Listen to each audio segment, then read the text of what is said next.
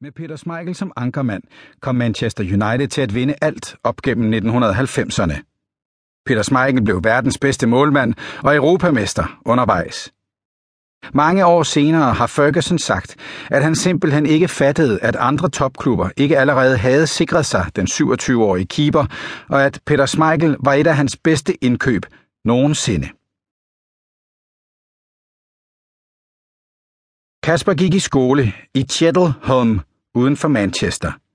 I Holm Hall Grammar School, en privatskole i området Cheshire, hvor de fleste lokale Premier League-stjerner bor. Skolens uniform var obligatorisk påklædning hele året rundt. Den bordeaux blæser med skolens motto Seek Truth, Søg sandheden, i klassisk engelsk heraldik på en skole med klassisk engelsk disciplin. Hvid skjorte, mørkeblåt slips, grå bukser og nypussede sorte sko. En af skolekammeraterne var den to år ældre Alex Bruce, søn af Manchester Uniteds daværende anfører Steve Bruce. Alex og Kasper blev venner. Når de små drenge var med deres fædre på Old Trafford, spillede de fodbold på gangen ind til omklædningsrummet. Den store røde branddør udgjorde målet. Kasper Smeichel stod på mål, og i marken så man blandt andre Alex Bruce og Thomas Inns, søn af Uniteds energiske midtbanespiller Paul Inns. Alle tre drenge blev senere professionelle fodboldspillere. Den vigtigste uddannelse Kasper fik i de år kom ikke nødvendigvis på Holm Hall-skolen, selvom han senere har understreget, hvor vigtigt det er at kunne bruge hovedet, især som målmand. Den vigtigste lærdom hentede drengen ved at se på sin far og på farens holdkammerater. Heriblandt ikke mindst den franske boldkunstner Eric Cantona, der var Kasper Schmeichels barndomsidol. Kasper var med sin far til træning på Manchester Uniteds træningsanlæg The Cliff, hvor han så og lærte uvurderligt meget af, udover sin far Cantona, topspillere som Roy Keane, Paul Scholes, Ryan Giggs, David Beckham og flere andre af fodboldens mest succesrige og ambitiøse navne. Kasper har ofte fortalt om, hvor vigtigt det har været for ham at se disse topprofessionelle superstjerners seriøse indstilling. Og han så dem flere gange om ugen på nærmeste hold, fra han var fem år.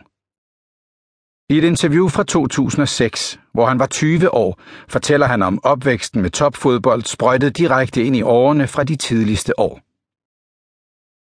Jeg føler, at jeg er opvokset i en almindelig familie, men selvfølgelig har jeg også oveni fået nogle ualmindelige oplevelser med, som jeg er utrolig glad for.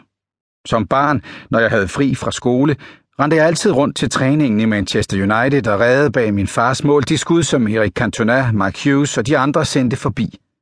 Mine skolekammerater sagde, Åh, du er heldig. Du kender alle United-stjernerne. Og jeg nød det da også, som den kæmpe fodboldfan jeg var og stadig er. Han kunne se spillere som Erik Cantona og David Beckham, der blev stående og selvtrænede efter de andre var gået ind. Spillere som Paul Scholes og Ryan Giggs, der var meget professionelle, ekstremt agerige og fornuftige på samme tid. De undgik byture og spiste sundt. De trænede på den rigtige måde og fik en meget lang og succesrig karriere. Det er vel derfra min søgen efter det perfekte stammer – jeg var så heldig at se med egne øjne, hvor hårdt Erik Cantona, Ryan Giggs, David Beckham, Paul Scholes, Neville-brødrene, alle de her spillere arbejdede. Hvor meget man må sige nej til uden for banen for at blive til noget på den. Det har præget mig. Gennem mine erfaringer har jeg set og forstået, at man ikke når noget uden at have den rette indstilling og arbejdsetik. Uanset hvor meget talent man har, sagde Kasper Schmeichel i et interview i 2014.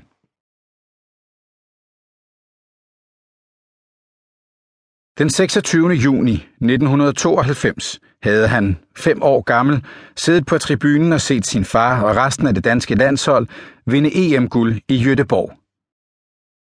Han havde set sin fars mirakelredning på Jørgen Klinsmanns skud, der havde direkte retning mod nederste hjørne, inden Peter Schmeichel på en eller anden måde fik kastet sig og drejet bolden uden om stolpen.